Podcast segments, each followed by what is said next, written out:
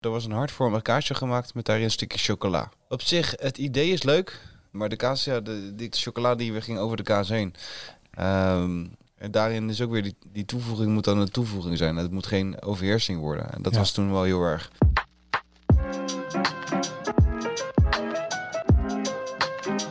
Het gaat vooral om kazen die op een kaasplank kan leggen. Daar gaat het vooral om ook, Ja, hè? geitenkaas, wit schimmelkaarsjes, roodbacterie, hartekaas en blauw schimmel. Maar zitten daar stokjes bij? In de Ja, dat is om te zorgen dat, eh, dat hij niet tegen de verpakking aan blijft. Oh, oké. Zal jou eh, de kaas geven. Kijk eens. Oeh. Als zij nu zouden ruiken wat wij ruiken... Oh. Eh, het is toch juist hartstikke leuk om juist iets uit Nederland te hebben. En juist om, zeker nu in de coronatijd, om locals te supporteren. Dit is de podcast. Maar zeker nu met de koudere periode, haal hem gewoon echt gewoon een uur van tevoren eruit. Ik zeg ook altijd van, je kan wijn kan je beter te koud serveren. Die kan warmer worden. En kaas kan je beter te warm serveren, want die kan je niet meer koud krijgen. Dus in ieder geval die... Een podcast over Nederlandse kazen. Ik was ook wel opslag verliefd op deze kaas, moet ik zeggen. Dus hij heeft dat room, maar hij heeft wel precies dezelfde structuur. En je verwacht als je hem in je mond doet en je neemt een hap... dat je ineens die, die tik van geitenkaas krijgt. Maar die zit er niet in. Nee. Hartelijk welkom bij de vijfde editie van de podcast. Goedemiddag. Maarten Koek, Etienne Verhoef hier met een eh, nieuwe editie. eh, Een podcast die in het teken staat van kaas. Bij voorkeur Nederlandse kaas, maar we doen ook uitstapjes naar het buitenland. Maar de eerste fase zitten vooral in de Nederlandse kaashoek. Eh, we hebben vorige keer de witschimmels besproken. Eh, in deze aflevering gaat het over de harde kazen. En harde kazen met een toevoeging, zei je zo mooi hè? Ja. Dus ehm, eh, mensen kennen natuurlijk wel de kaas met eh, de komijn. eh, wat Ja. natuurlijk een van de eerste Nederlandse kazen is met toevoeging geweest. Dan praat ik over de Gouden Eeuw met de VOC-schepen. die dan wel kaas mee wilden nemen, maar dan daar op een gegeven moment in Azië komijn leerden kennen. En dat aan de kaas gingen toevoegen om dus eh, uiteindelijk eh, kaas met komijn, of de boerenleidse met sleutel. eh, Was er ook omdat de kaas anders bedorf, dat ze Ja. daarom erin hadden gedaan, ja, toch? Ja, want normaal gesproken ging die volgens mij maar een paar weken ging die mee. Ja. Toen hadden ze natuurlijk nog geen koelkast of, of iets dergelijks. En juist die komijn die zorgde ervoor dat hij dan wat ouder kon worden. En dat hij dus ook zes tot acht maanden mee kon gaan zeg maar, op zo'n lange reis. Wat op zich best handig is als je met een boot hè, naar Azië moet en Ja. weer terug. Precies. Eh, dus eh, ja, we hebben vandaag. eh, er, zijn, er worden steeds meer toevoegingen gedaan. Ook combinaties die, die, waarvan ik denk van nou, doe maar niet. Ehm sowieso heel bekend is natuurlijk ook de kruidnagelkaas. Ja. Ook echt iets typisch Nederlands. Ehm truffel wordt eh, heel vaak aan kaas toegevoegd. Eh, nou, wat je misschien ook nog wel weet van onze bezoeken, fenugreek. Ja. Eh, fenugreek is een, ook een kruid uit de Aziatische keuken, die vaak een beetje nootachtige smaak geeft. Brandnetel is natuurlijk een kruid wat heel vaak aan toe wordt gevoegd.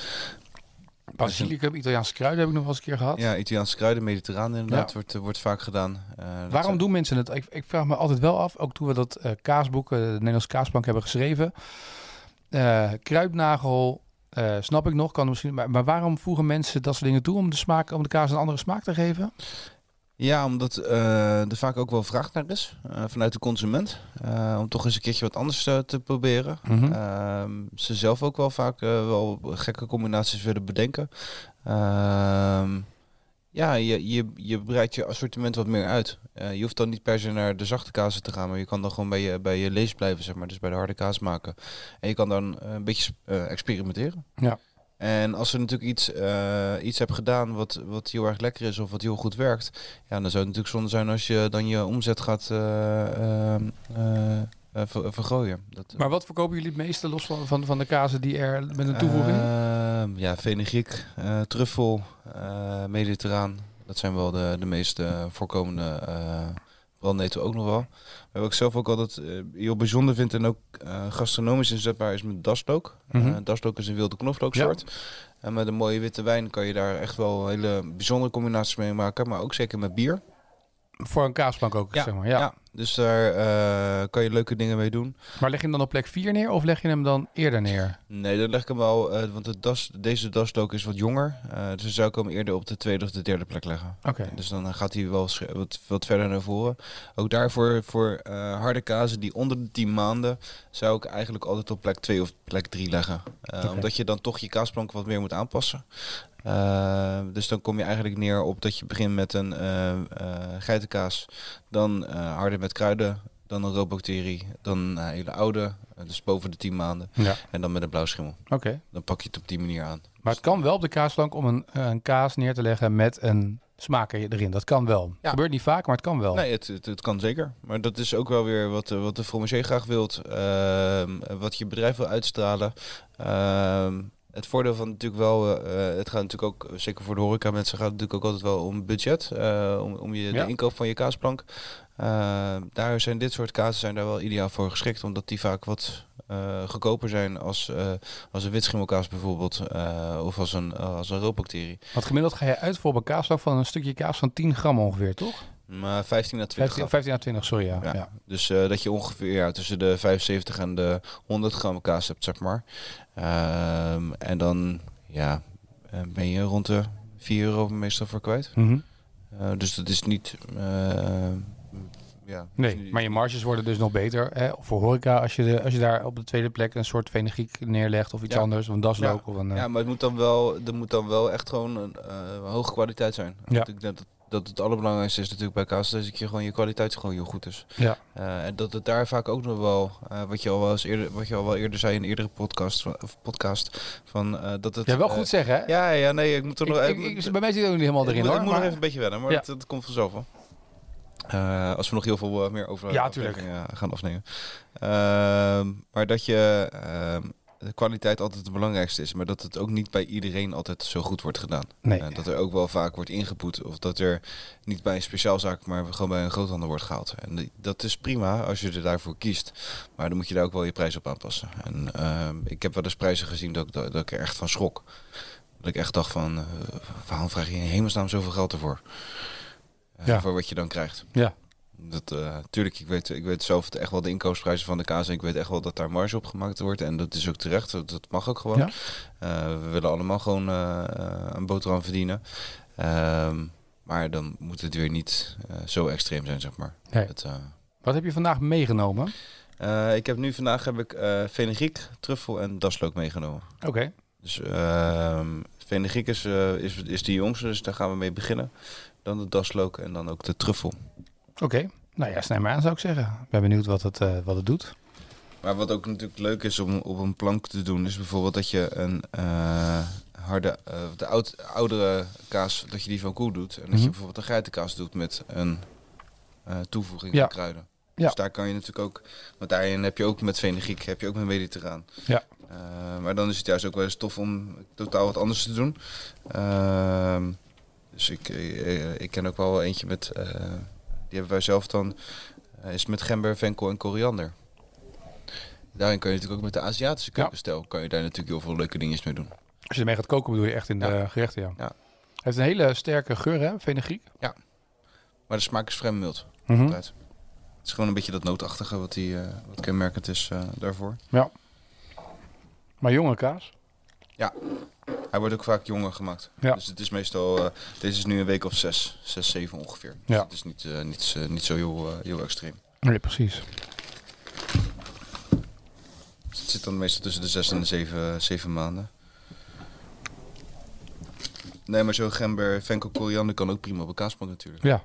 Als je daar iets eh, tofs bij doet. Ehm, ik heb daar wel eens met een eh, Aziatisch restaurant, restaurant Chung in Ja. Rotterdam. Rotterdam, ook Ja. wel bekend.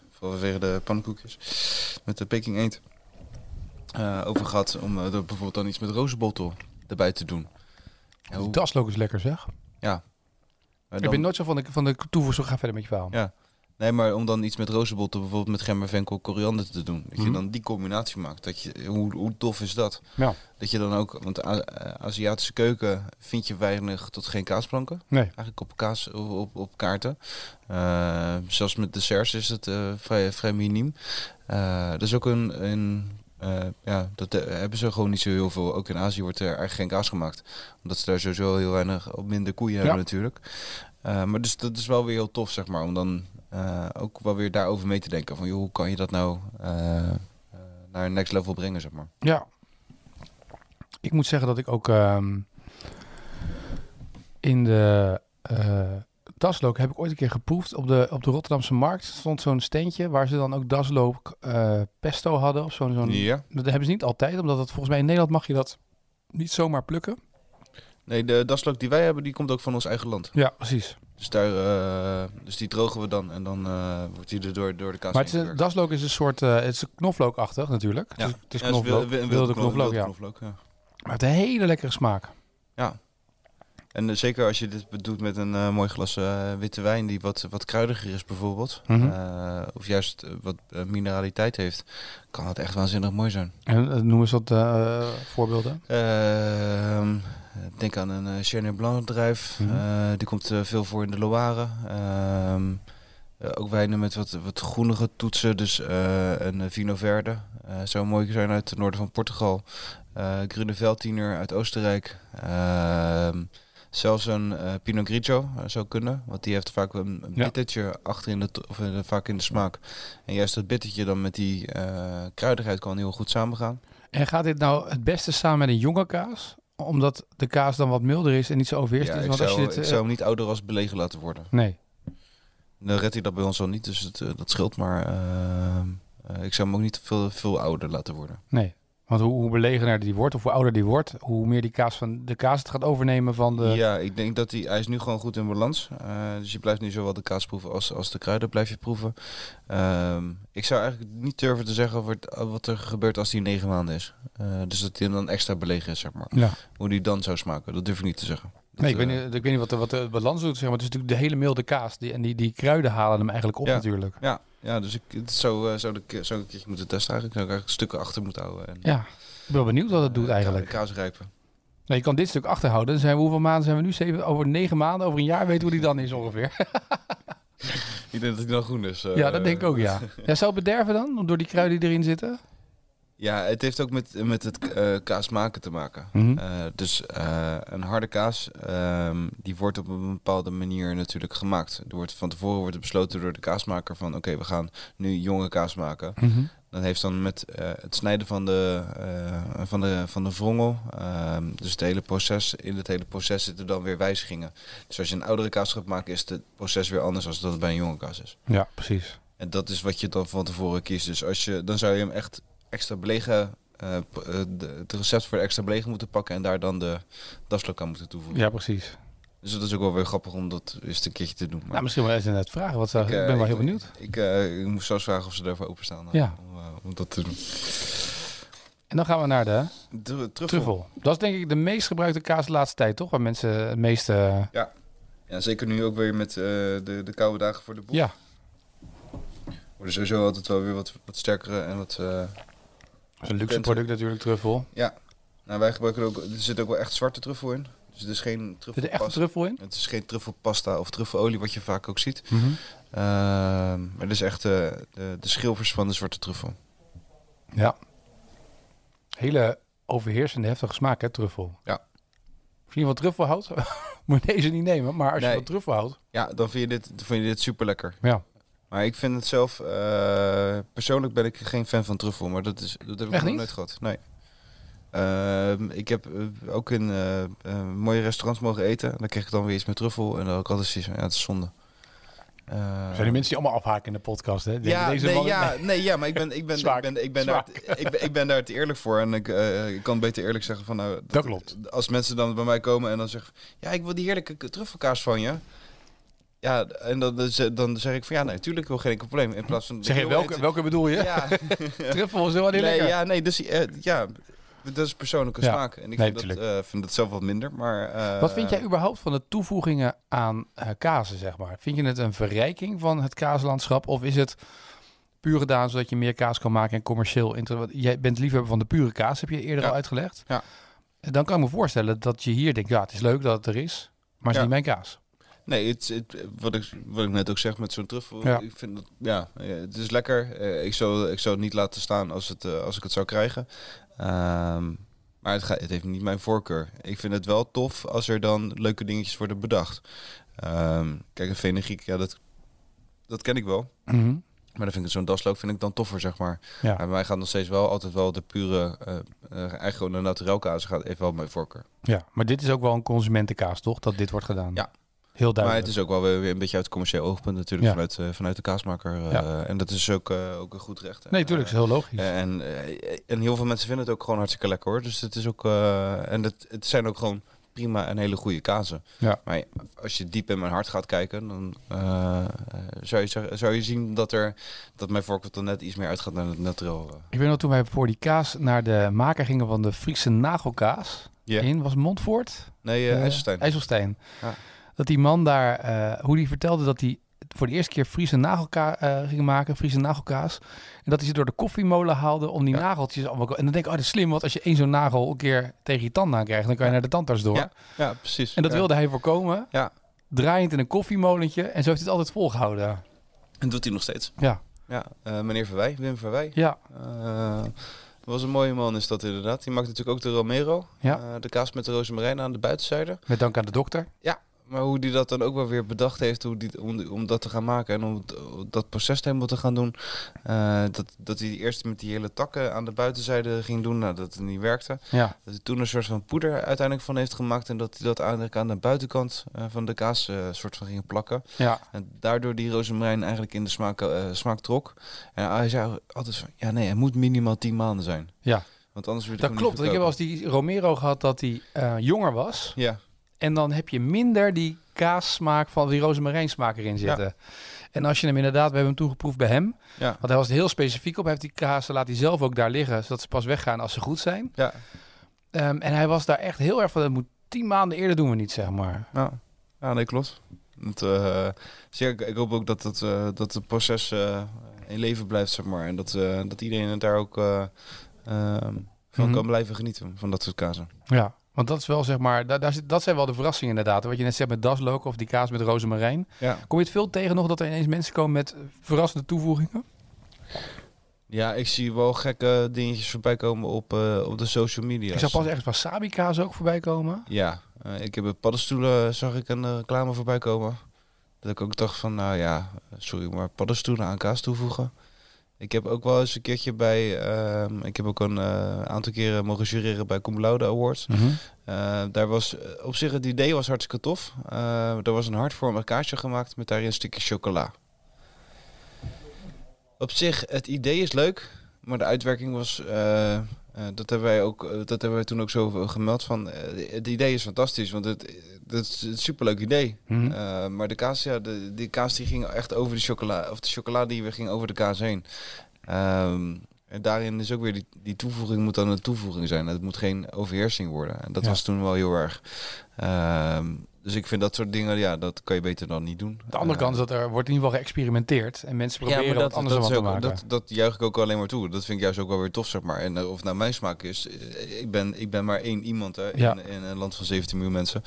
Eh, dus ja, dat moet je allemaal zelf, zelf bepalen en zelf eh, weten. En ik ben absoluut geen, eh, ik ben een expert in kaas, op kaasgebied, maar ook weer niet de expert, zeg maar. Dus ehm, ja, we moeten het, je moet het gewoon blijven proberen. En, eh, Blijven proberen, dat is het vooral, denk ik. Ja. Ja.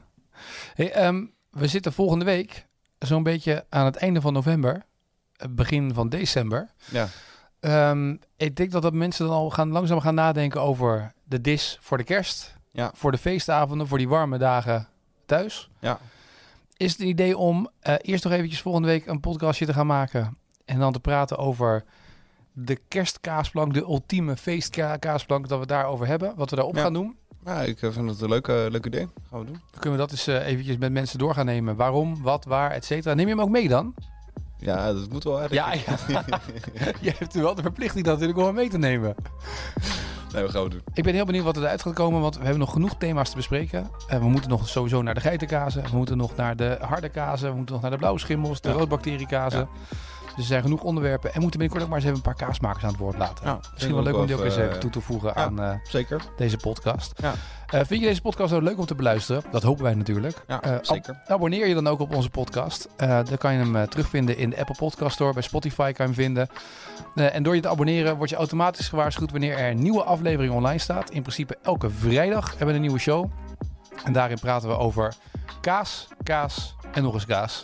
Want dat is het onderwerp van de podcast. Ja, zeker. Hij zit er nu wel lekker in, hè, na een weekje ja, of gaan, eh, het gaat, het, gaat eh, het, wordt, eh, het wordt steeds meer wennen. Het, eh, het went in ieder geval. Ik kan je wel zeggen, ik ga alvast een week lang niks eten.